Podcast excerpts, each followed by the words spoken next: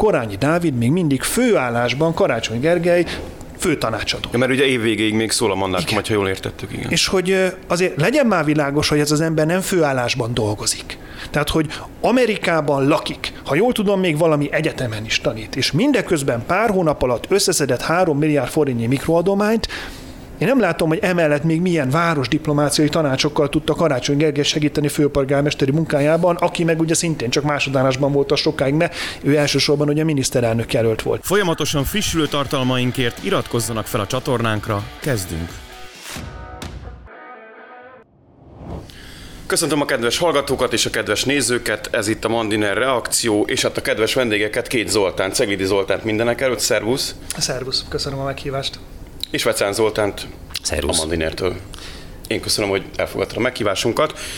Hát volt néhány téma itt az elmúlt héten, úgyhogy ezeket fogjuk mondjuk úgy némi, mondjuk válogatási metódussal végig csemegézni, tehát szubjektív válogatás lesz a mi kis hírmorzsa elemzésünk. Azt beszélik a városban, hogy megdicsértéket Bajer Zsolt, mindenképp ezzel nyitnám a beszélgetést, mert engem egy kicsit meglepett, hogy Bajer Zsolt méltatja a Cegidi Zoltán. Egy kicsit keretezzem a dolgot, arról szólt a, a történet, hogy volt egy Facebook posztod, amiben egy, egy kicsit úgy beleálltál az Európai Bizottságba, mondván, hogy amit most már az uniós források oda nem adásával csinálnak, azt kezd kontraproduktív lenni, már hogyha az a cél, hogy mi egy európai közösség legyünk, és Magyarország és Brüsszel a kommunikációban egymásra találjon, a magyar társadalom elfogadja a brüsszeli feltételek támasztását, legyen ebből valami a végére, akkor nem éppen a jó irányba haladnak a dolgok dolgok. Bajer Zsoltnak ez tetszett, mert azt mondta, hogy szerinte is így van. Mit szóltál ehhez? Kaptál esetleg kokit és sallert, hogy téged Bajer Zsolt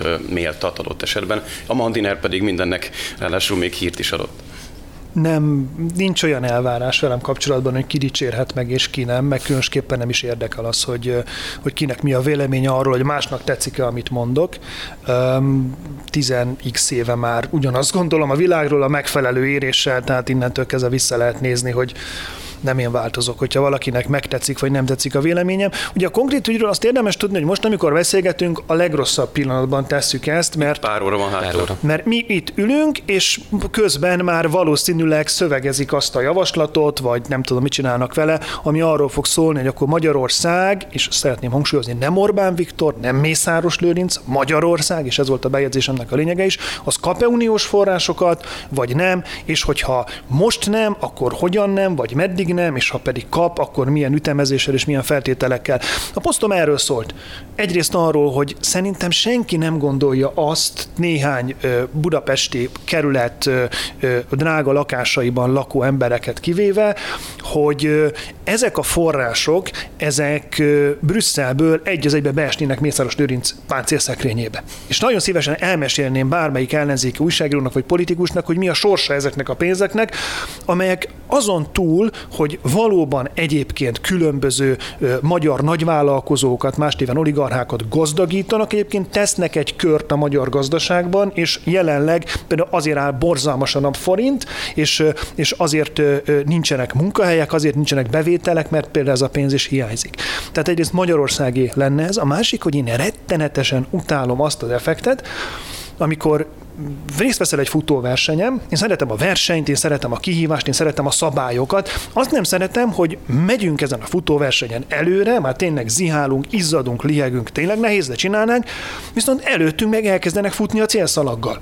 Most itt ez történik. 17-ből 27 például. Igen, ugye ezt a Kohán Mátyás kollégád azt cizellált, hogy a tíz, nem, nem, nem plusz 10 lett, hanem igazából Kibontás. elkezdtek kibontani párat, de most már van valami horizontális feltétel is ehhez, meg már belevariáltak olyan dolgokat is, amelyek arról szólnának, hogy bár nem lenne feltétel, és ez a másik, hogy mi volt a, mi volt a belépéskor a szabály, mi volt a, a belépő, mi volt az alapelvárás.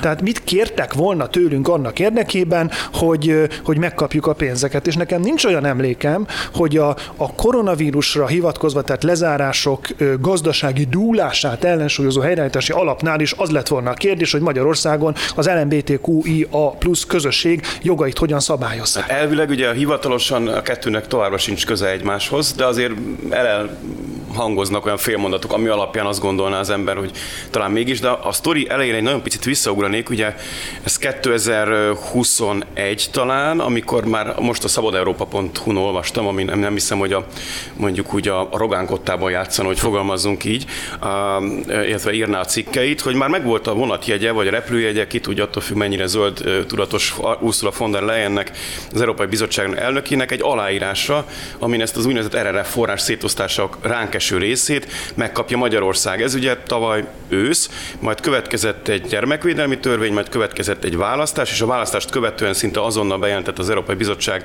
ezt a kondicionalitási eljárást, és akkor hát úgy befékeződtek ezek az egyeztetések, és a hírek szerint most már ugye elvileg lesz valami megegyezés, ezt a nézők, mm. hallgatók, meg mi is már, amikor ez ki lesz adva az adás, jobban tudjuk, de valami bizonyosan lesz, tehát pénz jön, de nem úgy, ahogy ö, kellene, vagy ahogy mi szeretnénk, vagy Magyarország rászorul, de megint nem jön Ursula von der Leyen. Tehát, hogy ebben van valami olyan dolog, ami már szerintem nem a szakma, nem a konkrét elvárások, hanem ez már, ez már nem tetszik a pofád.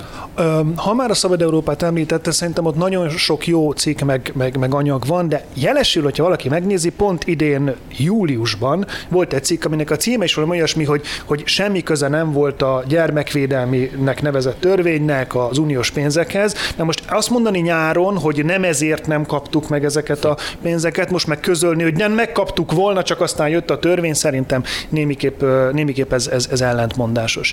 A másik fel ennek, hogy én említettem, hogy én szeretem a szabályokat. A, sokan félreérték a liberalizmust, a liberalizmus ugye arról szól, hogy, hogy betartsuk a szabályokat, hogy senkinek ne legyenek indokolatlan előjogai.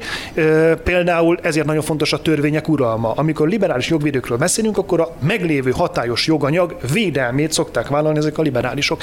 Ebben az esetben egyébként, amiről most beszélünk, nekem tényleg az a problémám, hogyha mindent megpróbálunk begyömözkölni politikai elvárások alá, és azt mondani, hogy akkor ezt mind hajtsuk végre, mert ez az európai, nem tudom, ilyen, ilyen elvont értékeknek megfelelő dolog, akkor vissza fog csapni az inga. Hogyha most nem tudják meggyilkolni Orbán Viktort, hogyha most nem tudják azt elérni, hogy, hogy a, a jelenlegi magyar vezetés az kapituláljon, akkor teremtetnek egy precedenst arra, hogy hogyan lehet elbánni egy országgal, és én nem vagyok meggyőződve róla, hogy nem lesz megint az, ami volt már ezelőtt mondjuk bő fél évtizeddel, hogy elindul egy teljesen más típusú politikai hullám, ahogy Trumpból ö, amerikai elnök lett, ahogy a Brexit megtörtént, ahogy kérdés volt az, hogy Wilderstől, Löpenen keresztül ö, egészen egyébként, hogy Olaszországban lett is egy ilyen új kormány, Orbán Viktorral szimpatizáló emberek kerülnek a hatalomra.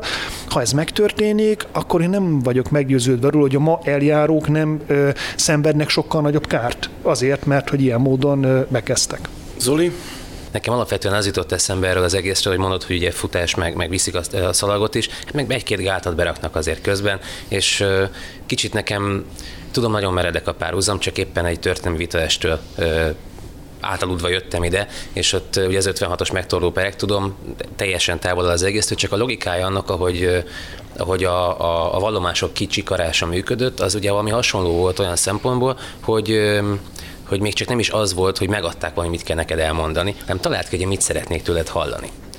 Igen, ez a, ez a hú, most talán itt lehet talán, talán itt nem fognak himsovinizmussal vádolni, azt mondom, hogy nekem minden eddigi barátnőmnél a konfliktusok egy jelentős része abból adódott, hogy láttam, hogy baja van, meg is kérdeztem, hogy mi a baja, és erre mit mondanak ezek a nők, hogy semmi. Menj nyugodtan a barátaiddal szórakozni. De hogy így, Igen. tudod, Érezd tehát, hogy magad jól, nem? Meg tudnánk oldani a problémát, csak annyi kellene, hogy beszéljük meg, de nem, mert előtte még büntetni akar, azért, mert rossz voltam. Most ugyanezt történik. Tehát az, hogy az integritási hatóság, és ezen húztam föl magam ebben a némiképp szabadszájú posztomban, hogy az integritási hatóság egyik alelnöke vagy elnök helyettese, az pontosan előtte, tehát az volt a baj, és visszafejtettem, ugye az volt a baj, hogy korábban az egyik ellenzéki portál rákérdezett, hogy ők nem találják ennek a hölgynek az önéletrajzát. Megkaphatnák-e? Jött a válasz, hogy majd igen, nem siettek őket kiszolgálni, általában nem szoktak sietni egyébként a a kormány és környékéről kiszolgálni az ellenzéki sajtót, amivel nekem szintén van gondom, mert szerintem oda kéne adni.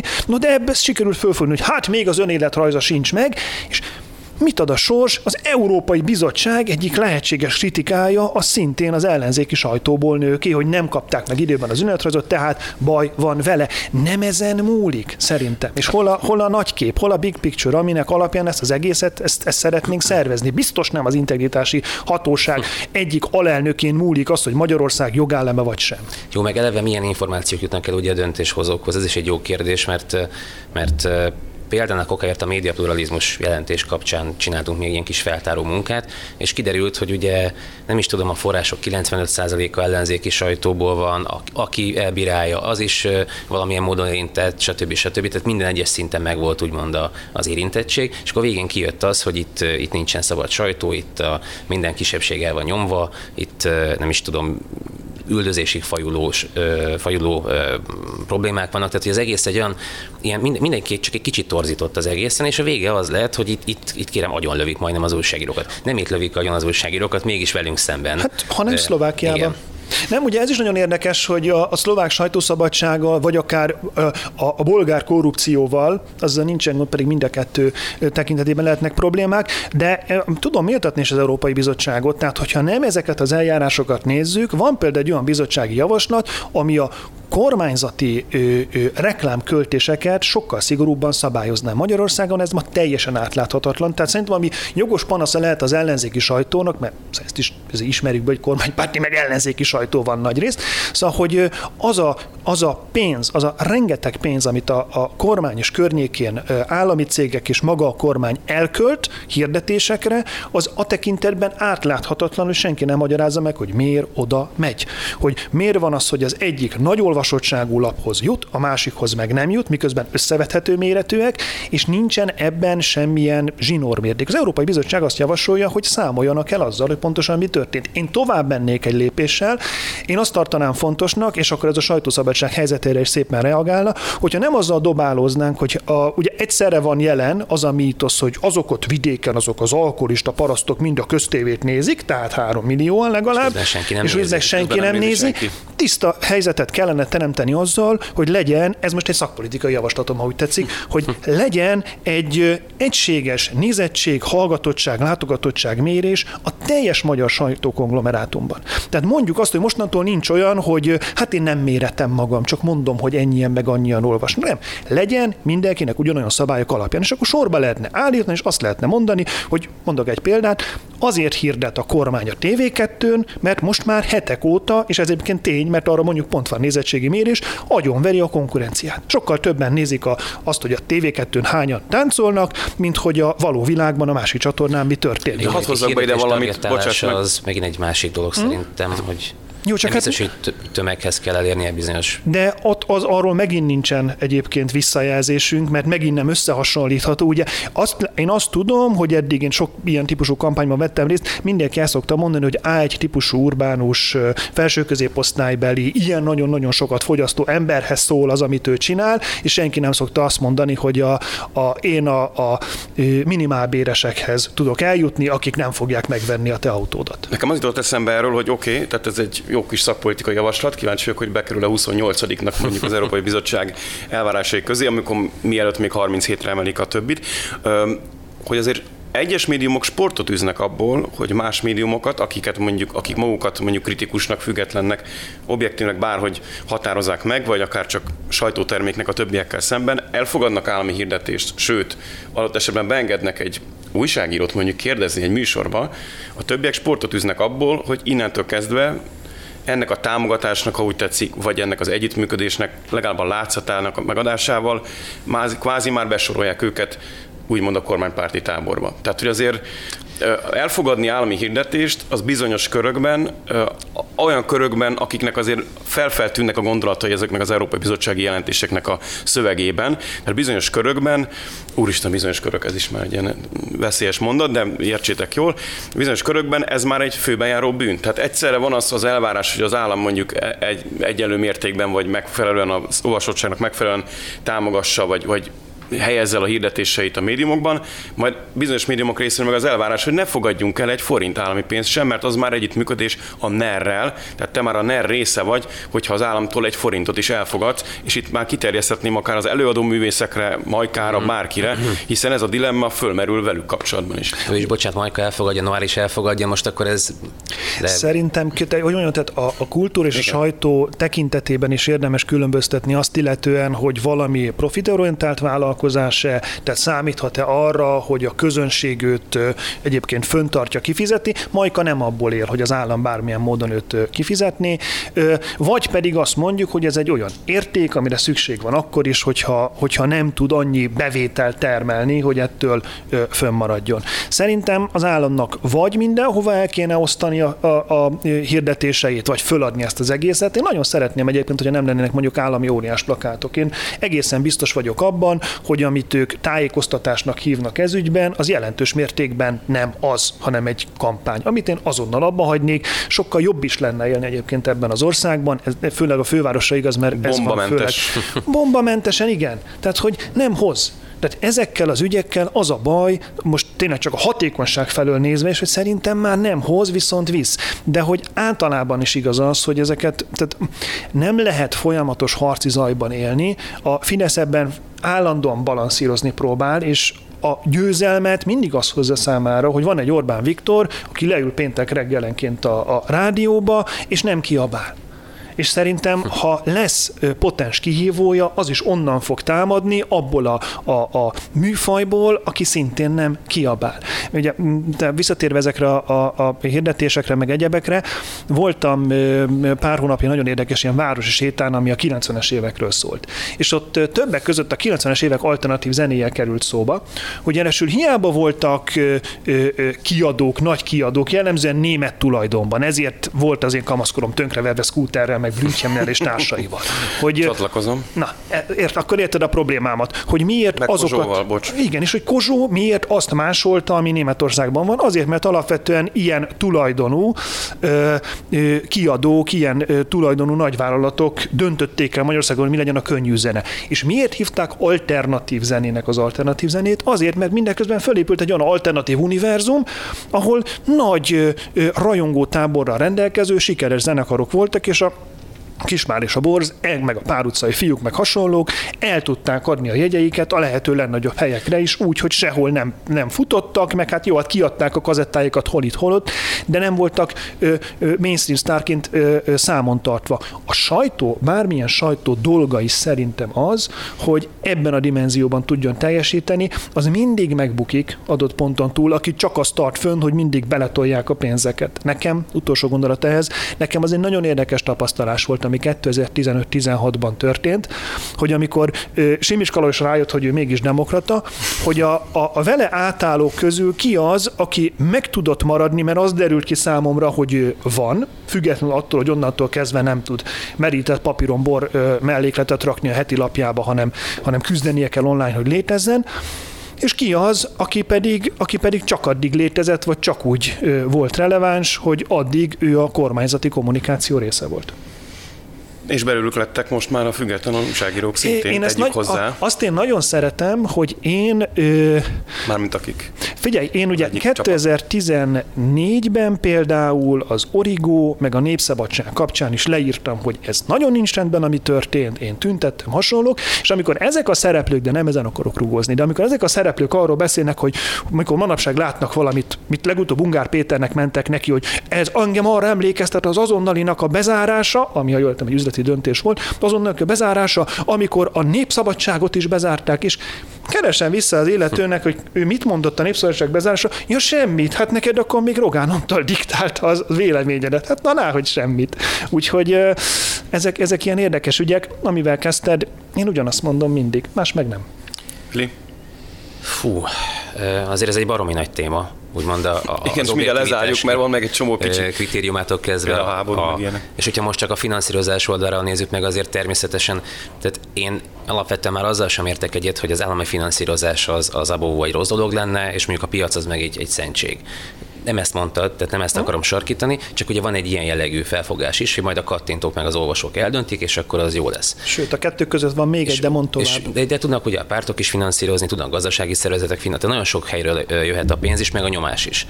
Tehát, hogy ilyen szempontból önmagában az, hogy valaki úgy határozza meg a saját függetlenségét, hogy az egyik forrástból ő nem részesül, az, az szerintem hát kicsit felemás. És akkor nyugodtan tovább lehet ezt az egészet gördíteni, bezárások meg egyebek. Hát az azonnali ugye az konkrétan az az egyetlen egy újság volt, ami konkrétan egy politikusnak a, a, a, a tulajdon, tulajdonában volt így vagy úgy. Tehát, hogy, hogy amikor azt mondják, hogy akkor sérül a, a, a függetlenség, amikor egy politikus úgy dönt, hogy már nem finanszíroz tovább egy lapot, akkor az szerintem már megint egy, megint egy izgalmas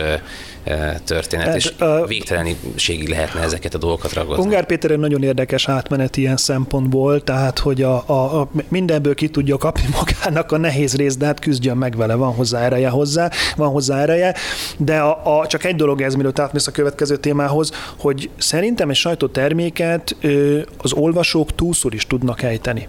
Önmagában a támogatásukkal. Mert ez arról szól, hogy én itt azt szeretném olvasni, hogy Orbán Viktor egy dagat paraszt.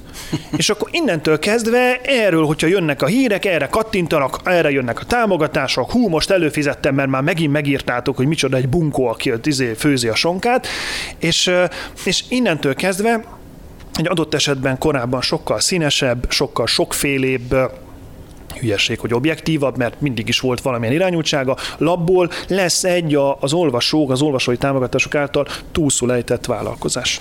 A pártoknál is lekövethető ez. Ungár Péter például szóba került, ő például nem, nagy lelkes, nem túl nagy lelkesedéssel viszonyul az Európai Egyesült Államok eszméhez, a DK viszont annál nagyobbal.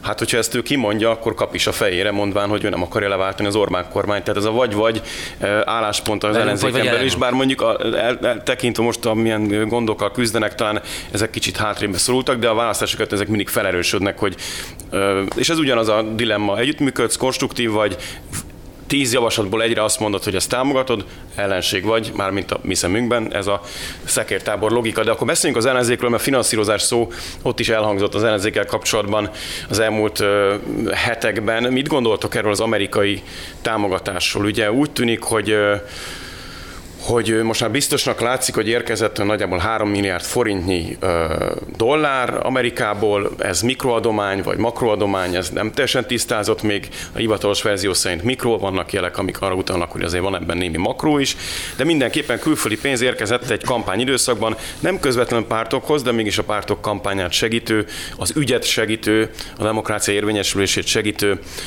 célokra, nevezetesen a kormányváltásra azonosító vannak a szereplők, vannak köztük Francis Fukuyamától, Korányi Dávidon keresztül Márkizaj Péterig mindenki, de nagyjából látjuk a képet, de úgy tűnik, hogy ez megint csak ez a politikai térfél egyik felét zavarja, a másikat mondjuk is poradisztikusan, és akkor óvatosan fogalmaztam, egyébként jegyzem meg, Ungár Péter azok közé tartozik, akiket ez zavar. Ez egy anomália, kiderült valami, ami régen így volt, vagy valami kapitális nagy marhasság az egész, olyan értelemben, hogy az egész mégiscsak onnan indult, befejezem, a kérdésnek álcázott monológomat, hogy Márkizaj Péter elkottyantott a büszkén, hogy ő kapott ennyi pénzt. Tehát, hogy innen indultunk. Beszéljünk két dologról, szerintem ennek kapcsán ez egyik az az időbeliség. Szóval, hogy most arra már az a mondás, nem csak Ungár kapcsán, hanem az összes többi ellenzéki pártelnököt is ezzel revolverezik, hogy de hiszen tudtak róla, és honnan? Hát, hogy ez nyilvános volt a sajtóban, és a rákeresel, amit ők hivatkozni szoktak, az a média egyen egy cikk 2022. március 29-én. Hm. Tehát a választás előtt kevesebb, mint egy héttel. Nem igaz, hogy sajtónyilvános volt maga a támogatás ténye. Az összege meg egyáltalán nem, hát azt most rakjuk össze. Nem igaz, hogy a pártelnökök tudhatták, hogy tavaly novemberben, mikor kirakta Márkizaj Péter a migráns számlálót, hogy azt már az, eh, az egyetemes európai meg, meg, meg emberi jogi értékek mentén elkötelezett kampányból kezdte el számolgatni a migránsokat. Bocsás, itt hat vágjak egy nagyon picit közben azon a migráns számlálón, Nyugat-Európából Magyarországra érkező, vagy határon túl Magyarországra érkező magyarok, mm. akik itt telepettek le időlegesen, az ő számuk is benne volt, és egy olyan KSH adatból dolgozott, tehát fék, leegyszerűsítve megnéztem, Korányi Dávid és csapat ezek szerint fake news-t támogatott hát, Magyarországon, hogyha lehetünk ilyen egyszerű. Engem az érdekelne, hogy, az hogy kattintja-e még tovább a számlálót, tehát most, hogy mondjuk Ukrajnából háború van, és jönnek be hozzánk, vajon azt hozzászámolja-e? Hát a logikából kiindulva érted? abszolút. Leállította-e, vagy pedig akkor most már azzal vádolja az Orbán kormányt, hogy milliónál is több migránst fogadott be. Szóval az egyik az, hogy nem, a, nem, volt, migránst, nem volt, nem volt sajtónyilvános, nem, nem igaz, a választás előtt pár nappal volt egyáltalán a média egyen, a Szalai Daninál egyetlen cikk erről, hogy akkor döntöttek egy ilyen támogatásról, ott sem ez volt a fókuszban, hogy nem mondták meg, hogy mennyit, és még két másik szereplőt is megemlítettek, akik szintén pénzt kap. Tehát a dolognak az egyik fele. A másik, amely Korányi Dávidot említetted. Itt a forgatás előtt azt beszéltük, hogy mindhárman kalandos úton jutottunk el ide, mert Budapesten nem annyira egy, egy, egyszerű közlekedni. Most, amikor beszélgettünk, Korányi Dávid még mindig főállásban, Karácsony Gergely főtanácsadó. Ja, mert ugye évvégéig még szól a mandátum, ha jól értettük. Igen. És hogy azért legyen már világos, hogy ez az ember nem főállásban dolgozik. Tehát, hogy Amerikában lakik, ha jól tudom, még valami egyetemen is tanít, és mindeközben pár hónap alatt összeszedett 3 milliárd forintnyi mikroadományt, én nem látom, hogy emellett még milyen városdiplomáciai tanácsokkal tudta Karácsony Gergely segíteni főpolgármesteri munkájában, aki meg ugye szintén csak másodánásban volt a sokáig, mert ő elsősorban ugye miniszterelnök jelölt volt. És ebből én nem a személyek kritikáját akarom kihozni, hanem hogy nem sikerül a dolgokat rendesen megcsinálni. Se azt, hogy hogyan működjön a városházán ez a rész, se azt, hogyha ide érkezik 3 milliárd forint, könyör, mondok én nagyon csúnyát. Ha 20 ezresenként bedobálták volna a postaládába ezt a pénzt, több szavazatot tudtak volna szerezni vele, mint ahogy így elköltötték. És mondhatnánk, hogy az illegális, de amit csináltak, az is az, könyörgök, hát bevallották. Át lépünk egy alapvető dolgon, azt mondjuk, hogy a Fidesz csal, ezért mi is csalunk. És akkor tulajdonképpen ez nem is csalás. Azt mondjuk, hogy a Fidesznél van a CÖF, akkor nekünk is van egy CÖF. Hogy a Fidesz kirak mindenféle plakátokat, amiket nem számol be a kampánybüdzsébe, akkor mi sem. De akkor egyrészt, hogy akarjuk kritizálni azt, amit a Fidesz csinál, amit szerintem kéne, ezzel kezdtem, nekem nem okék ezek a plakátok. Kettő, mire akarjuk leváltani, hogyha már a kampányunk is az, amit ő csinál. És mindeközben még a hatékonysági szempont sem áll meg, hiszen nem sikerült. Tehát nem sikerült Orbán Viktort leváltani, de nagyon nem. Egy hát, rohadt nagy kétharmad lett Eddig belőle. most sikerült a legkevésbé. Az egyik, csak egy mondat ehhez, az egyik nagy felháborodása az ellenzéki nyilvánosságnak az volt, amikor a sokadik ilyen Márkizai jelenet után, amikor tudod, így hallod a Benny Hill szaxofon szólót közben, hogy így annyit írtam ki, hogy mi lenne, hogyha hagynánk a francba ezt a választást, inkább ne legyen. És akkor hogy, hogy, hogy képzeled, és akkor, hát emberek. Ha te Orbán szekerét tolod. Sokkal jobban járt volna az ellenzék, ha nincs választás, és marad az előző leosztás, amikor csak picit volt kétharmad Orbán Viktornak, amikor számított az, hogy a német nemzetiségi képviselő hova szavaz, ahol számított volna az, hogy le lehet még szedni egy-két ilyen Völner-szerű alakot, akik egyébként tényleg borzalmasan méltatlanak bármiféle kormányzati szerepvállalásra. Szóval, hogy sokkal jobban jártunk volna akkor, és nem sikerült rendesen megcsinálni. Én csináltam már kampányokat, ennél rosszabbat, ilyen sok pénzből művészet lett volna összehozni. És még egy dolog. Itt a Scrutonban beszélgetünk, és amikor ide meghívást kaptam, azon gondolkodtam, hogy ha nem mondjuk ilyen, ilyen, ilyen szélső baloldali, vagy, vagy nem is tudom mi a, a helyes természetechnikus, tehát hogyha nem a, a, a, a, a gólyába vagy az aurórába akarok menni ellenzékiként, akkor hova?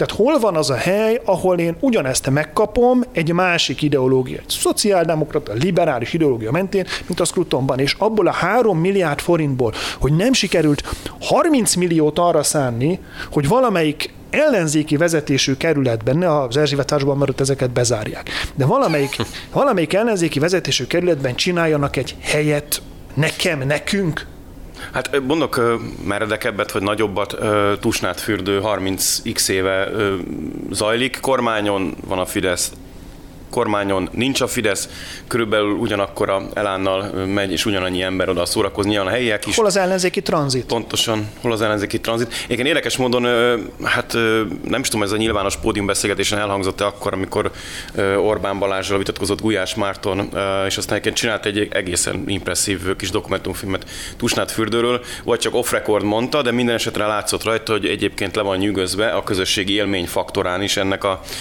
jobboldalinak mondható, vagy igen, jobboldalinak mondható közösségi élménynek, és ugyanez látszott a szemében, hogy hogy annak idején volt egy állampárt itt Magyarországon, mindennel pénzpariba fegyver, még egy szovjet hadsereg is támogatta az itteni tevékenységét, és képes volt bizonyos köröket, ha most már ilyen a KISZ az mondjuk egy ilyen szó, de tudott közösségi tereket teremteni, amiben a közösségek még részt is vettek, feltöltötték adott esetben a saját magukkal, nem feltétlenül az állampárt ideológiájával ezeket a nem közösségeket. Csak azt kell és, hozni, és ez azóta is, tehát a rendszerváltás követően is egyébként volt arra rengeteg lehetőség, és van rengeteg a más nem külföldi példa arra, hogy hogyan hozunk létre működőképes közösségeket. Tragédiája az ellenzéknek, hogy azt gondolja, hogy a Facebookra kiírt jelszavakkal, meg a, a, a, az ATV-s nyilatkozatokkal letudták a politika érdemi részét. Miközben ezek azok a dolgok, amiket én is meg tudok csinálni. Tehát, hogy ez a feladat el van látva, hogyha holnap úgy döntenek, hogy befejezték, akkor sem lesz hiány a piacon.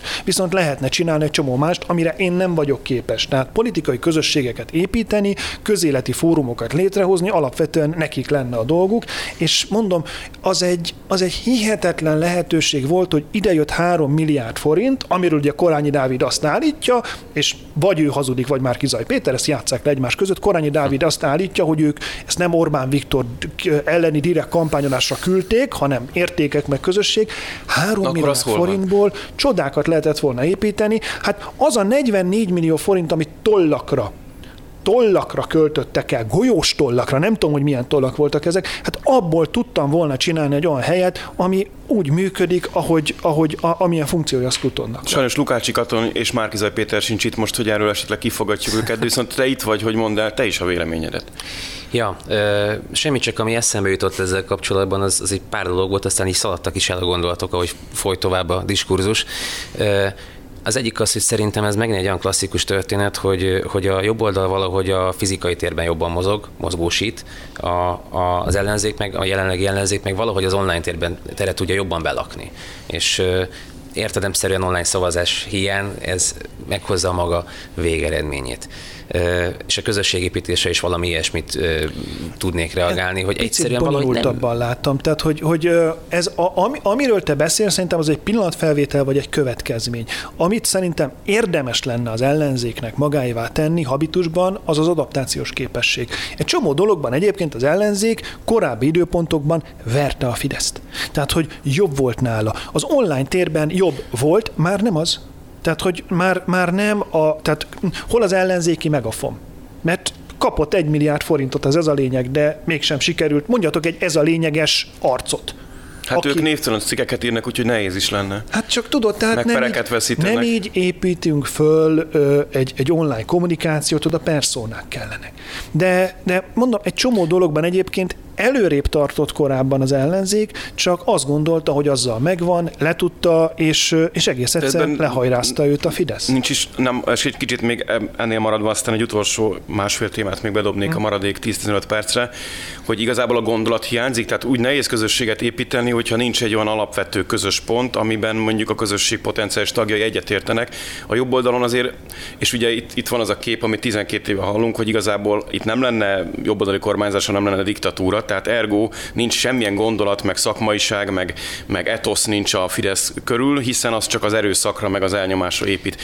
Ezt projektálta bele az ellenzéki nyilvánosság némi leegyszerűsítéssel szerintem a kormányba, majd kiderült, hogy, de, hogy, hogy van, mert hogy ezek a közösségi terek egyébként akkor is működtek a jobb oldalon 2010 előtt, amikor nem volt kormány a Fidesz, és azóta is megmaradtak. Tehát van valami, valami kapocs, valami gyúanyag, ami összehoz különböző gondolkodású embereket, adott esetben közösségi formálva, és innentől kezdve már technikai kérdés, ez hogy kell lebonyolítani. Lehet, hogy ez hiányzik a bal oldalon, hogy nincs meg az a, az Orbán ellenességen kívül az a közös etosz vagy gondolat, ami ezt megvalósítaná.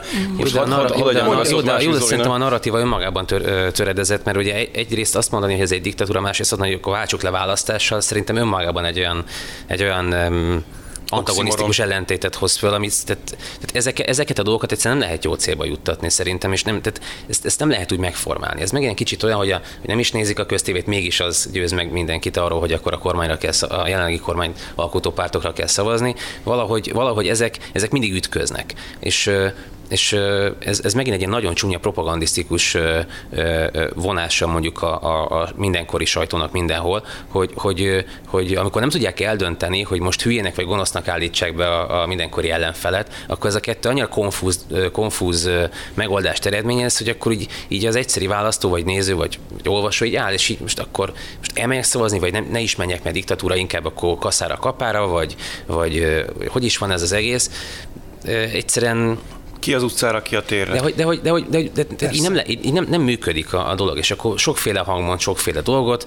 Um, és lehetséges, hogy, a, hogy az emberi természet olyan nem feltétlenül azt találja meg, ami közös a másikkal, hanem azt, ami mondjuk elválasztja. Jó, de te mégis mit gondolsz arról, hogy akkor ez a, ez a kampánypénz így is, hát, és akkor elindul egy, egy ilyen fajta van-e, dezintegráció. Van-e, így van. Tehát szerintem ezek ilyen alapkérdések. Van-e értelme bemenni a parlamentbe ellenzéki képviselőként? A. Igen, B. Nem. Tessék eldönteni, és utána ahhoz igazodni. De az nem megy, hogy felveszem a mandátumot, megkapom a fizetésemet, de közben szeretnék annak is játszani, hogy hát ennek semmi értelme. Jó, oké, jó barátok, add át a helyed másnak, aki majd képviselni fogja azokat, akik megválasztották, bizonyos ügyeket, stb.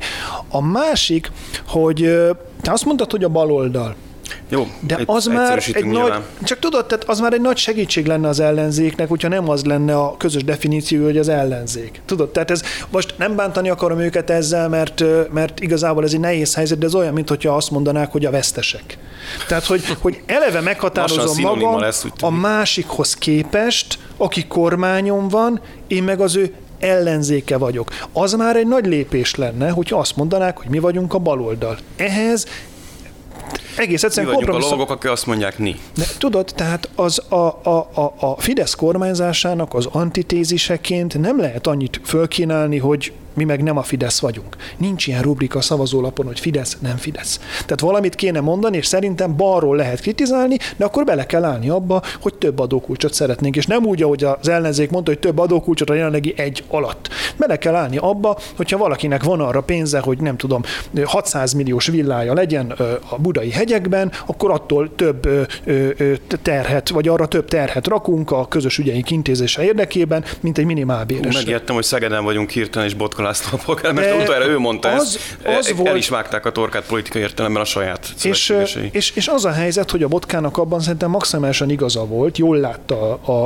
a, az irányt, a rést, hogy, hogy ebbe az irányba kéne menni, ha balról akarjuk előzni a Fideszt. Márkizai Péter jobboldalnak mondott kísérlete elbukott. Tehát az látszik, hogy ott ilyen opció nincsen. És a Fidesznél is egyébként volt szerintem egy útkeresés. Tehát azért a, a NER kialakításának első másfél ciklusában ott marha nagy csapkodás volt, amit utána a nem bárt Simicska botrány az egy újabb nagy átalakítással, sok szempontból vérengzéssel fejelt meg. Tehát arról beszélni kéne szerintem, hogy 2010-ben a kormányváltást követően azt még lehetne állítani, hogy a korábbi torz viszonyokat állították helyre, vagy normalizálták azzal, hogy a, a, a tehetséges nagyvállalkozó Simicska Lajos nyeri mostantól a közbeszerzéseket, hiszen ő az, akinek korábban is kellett volna. De nem változott semmi az ő, ő vállalkozói képességeit tekintve 2015-16-ban, amikor hirtelen az derült ki, hogy Mészáros Lőrinc sokkal tehetségesebb nála. Tehát, hogy a, a, a Fidesz eredet történetében szerintem, meg az elmúlt mögöttünk hagyott 12 évben, ezek nagyon fontos ügyek, és nem onnan indult a Fidesz, ahol most van. Néha előtte, néha mögötte volt a történelemnek. Én azt láttam, hogy mostanra összeért egy olyan euroszkeptikus, jobboldali, látható programmal rendelkező pártá vagy közösségi, aminek most nagyon nincsen konjunktúrája. Tehát most nagyon, nagyon nem abba az irányba megy a, a világ, amit ő szeretne, mert az orosz szövetséggel, mert a, a, az Európai Bizottsággal vitt, meg főleg az Európai Parlamenttel vitt csatáival sokkal nehezebb helyzetbe került. Ezt kihívni viszont csak úgy lehet, hogyha nem egy mechanikus tagadásban vagyok, hanem állítok valamit a saját értékeimről. Szerintem az Európai Egyesült Államok az egyértelműen túllövés. Nem lesz Európai Egyesült Államok, arról nem is beszél, vagy tegyük fel a kérdést a, a legdurvább ellenzéki kommentelőnek, hogy legyen Európai Egyesült Államok, és legyen-e annak tagja Magyarország. Vagy ezt a bűnös országot, ezt nem szabad beengedni oda. Úgyhogy én mondom, én, én ezen az alapon lennék ebben. De nem akarom a fél témától elvenni az időt. Egyetlen, egyetlen dologba kötnék csak bele az orosz szövetség kifejezést, azt tompítanám, mert azért szerintem az kis túlzás, hogy a szövetségben lennénk Oroszországgal együttműködés van bizonyos energiahordozók beszerzése kapcsán, de kétségtelen, hogy ebben nem vagyunk ugye a fősodorhoz igazodva. De itt hoznám be akkor Novák Katalin útját Kijevbe. Erről mindenképp beszélünk. Ez még egy egy téma, és a fél az még Pankotai Lili lenne, ha lesz rá időnk, de, de, de nem biztos. A lényeg, hogy Novák Katalin útjára mindenképp beszélünk egy picit, mert ugye az a kép él most sokakban a nyilvánosságban, hogy ő a jó zsaru, aki szóba áll az ukránokkal, az Zelenszkijel közösen fotón szerepel, még itthon a, a jobb oldali nyilvánosság meg lövi Ukrajnát kvázi, ahogy másik irányból Oroszország, csak mi nem rakétákkal, hanem kritikával. Egyébként tegyük hozzá, azért van néhány ukrán politikus, aki olyan hangnemben beszél Magyarországról, hogy nagyon nehéz azt megállni, hogy ezt a sok számlájára írjuk. Néha ez egy kicsit többnek tűnik, de nyilván ez egy külön full podcast beszélgetés, vagy akár háromnak a témája lehet, és körülbelül lehet, hogy még egy évig erről fogunk beszélni. Tehát nem akarok minden részletre kitérni, de Novák Kata jelen, mint jelenség, mint uta, az ő úta, mint, útja, mint kvázi szimbólum, azt ti hogyan látjátok, és most először lehet, hogy akkor a másik Zolinak adnám meg, vagy nem tudom, egyik, másik, másik, egyik nézőpont kérdése ez is.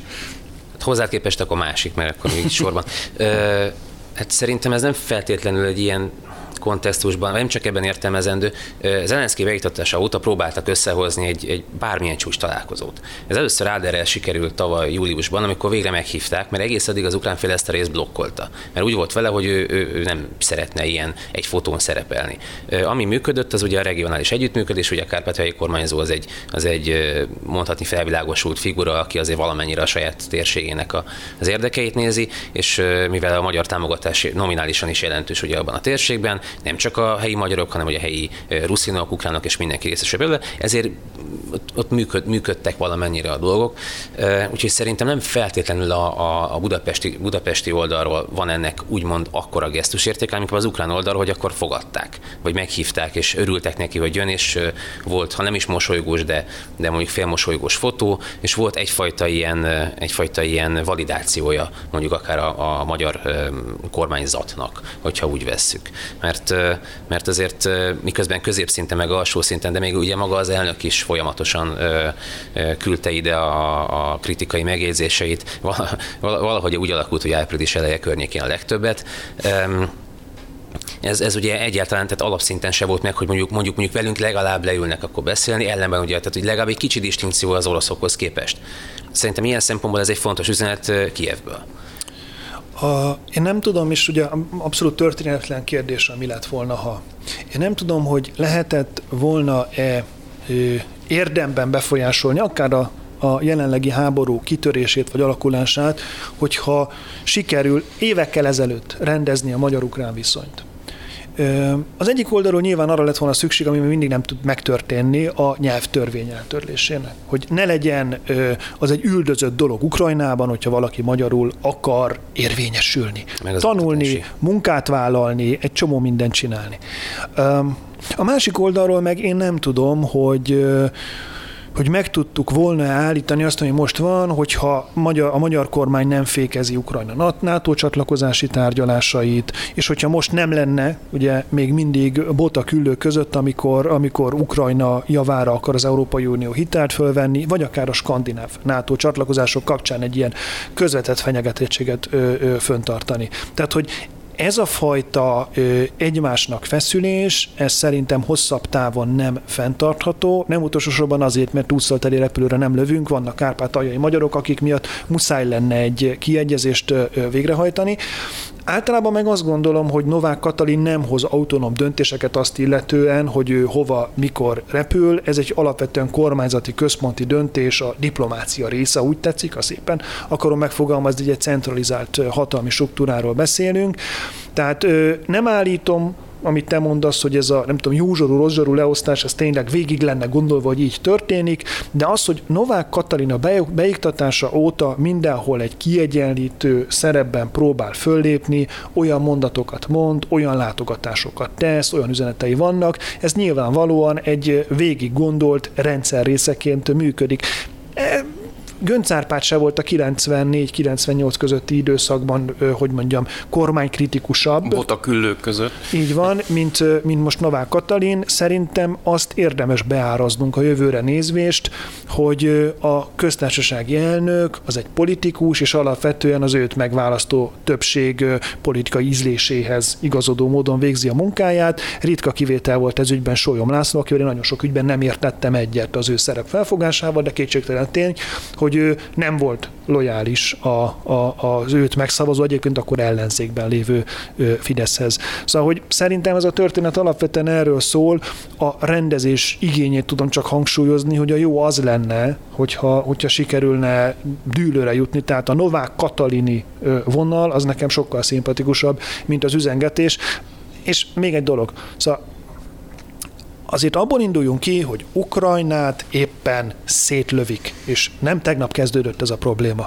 Én értem azt, a végpontja annak, amit ők akarnak, hogy nekik még egy világhá, azt gondolják, egy világháború is jobb lenne, mert akkor nem egyedül csatáznának az oroszokkal. Más kérdés, én meg azt gondolom, hogy ha kitör egy világháború, akkor Ukrajnából tényleg semmi nem marad, mert az lesz a csatatér, egy bombatöltsér lesz az ország, de hát ami most történik, az is borzalmas, és értem, hogy kapkodnak mindenhova, és ha arra volt szüksége, szerintük az ő, ő, ő háborús pozíciók javításának, javításához arra volt szükség, hogy belálljanak Orbán Viktor, amikor szeretni fogja őket a többi uniós országok keresztül megtették a választási kampányban. Miközben Zelenszky maga volt a, a validátor, akihez a kezet fogni és, és közös szelfiket készíteni, ugye a nyugati politikusok. Az ukránok nem most kezdték ezt az egész játékot, amikor megindult a háború, ez egy jóval korábbi történet. A 10-es, 10-es évek elején már voltak erre utaló jelek. Az oktatási törvény sem a háború kitöréséhez köthető, és alapvetően a NATO csatlakozás teljes mértékben lehetetlen addig a pillanatig, amíg fegyverek dörögnek a területén, és az sem most kezdődött. Tehát, hogy az, hogy és maga az, a, a NATO csatlakozás blokkolása sem technikailag az, amit a magyar kormány csinál, csak egy, egy bizonyos találkozó típusra mondta az, hogy ő blokkolni fogja. Tehát, Jó, hogy ez addig egy, nem tudnak NATO tagok lenni, amíg ezek a találkozók Addig nem tudnak NATO tagok lenni, amíg nem rendezik az orosz, vagy nem rendeződik vagy az az orosz történet, mert amíg hadviselő fél, addig nem léphet be a NATO-ba. Ugye ez, ez a nem tudom hányadik, nulladik feltétel talán. Három szálon mennék tovább legszívesebben, de egyiken sem fogunk majd legközelebb. Egy mikrokérdést tudtok esetleg egy másfél mondatban reagálni arra, hogy Pankota Lilit iskolát vált, és Szabó Tíme a óbudai képviselőként ennek nagyon örül, hiszen egy óbudai intézményt választott. Ugye ő az, aki finoman szólva sem, ö, ö, hogy mondjam, akkor egyszerűen mondom, kocsmai stílusban küldte el a kormányt, diákként a francba, és a tüntetések sztárjával van az elmúlt hónapokban, noha még az érettség előtt áll. Jó ez az ellenzéknek, jó ez Pankota Lilinek, és jó ez a magyar oktatásnak? Nekem az nagyon jó, hogy amikor én voltam gimnazista, akkor nem volt még YouTube, sőt internet is alig-alig, és ezért nem tudták megörökíteni azokat a dolgokat, amit a világról akkor Ezen gondoltam, vagy, vagy mondtam volna egészen méltatlannak tartom azt a felelőtlenséget, amivel egy tizenéves lányt azt folyamatosan kiraknak a, a címlapokra, és olyan terhet raknak rá, amit korából adódóan nem tud elbírni. Maximális egyetértek, Zoli, te is? Abszolút, hát ez a gyerekek keresztes hadjáratának megfelelő a lépés előre tolva, és akkor utána ugye ő, mint pajzs fel is fogja akkor egyből a, a, a erre érkező reakciókat, hiszen, és akkor őt ugye nem lehet bántani, mert ugye hát Ja, miért is bántanánk? Nem ő tehet erről a helyzetről. Nem ő tehet arról, hogy exponálták, az biztos. Igen. És ez felelőtlen, és, és, és hát, hogy mondjam, Szóval egy, egy, egyéb aggályokat is felvet. Jó, innen folytatjuk legközelebb. Nagyon köszönöm, hogy itt voltatok, nagyon köszönjük a figyelmet, jövünk vissza legközelebb. Ha tetszett a videónk, iratkozzanak fel a csatornánkra, és kövessék a Mandinert minden lehetséges fórumon.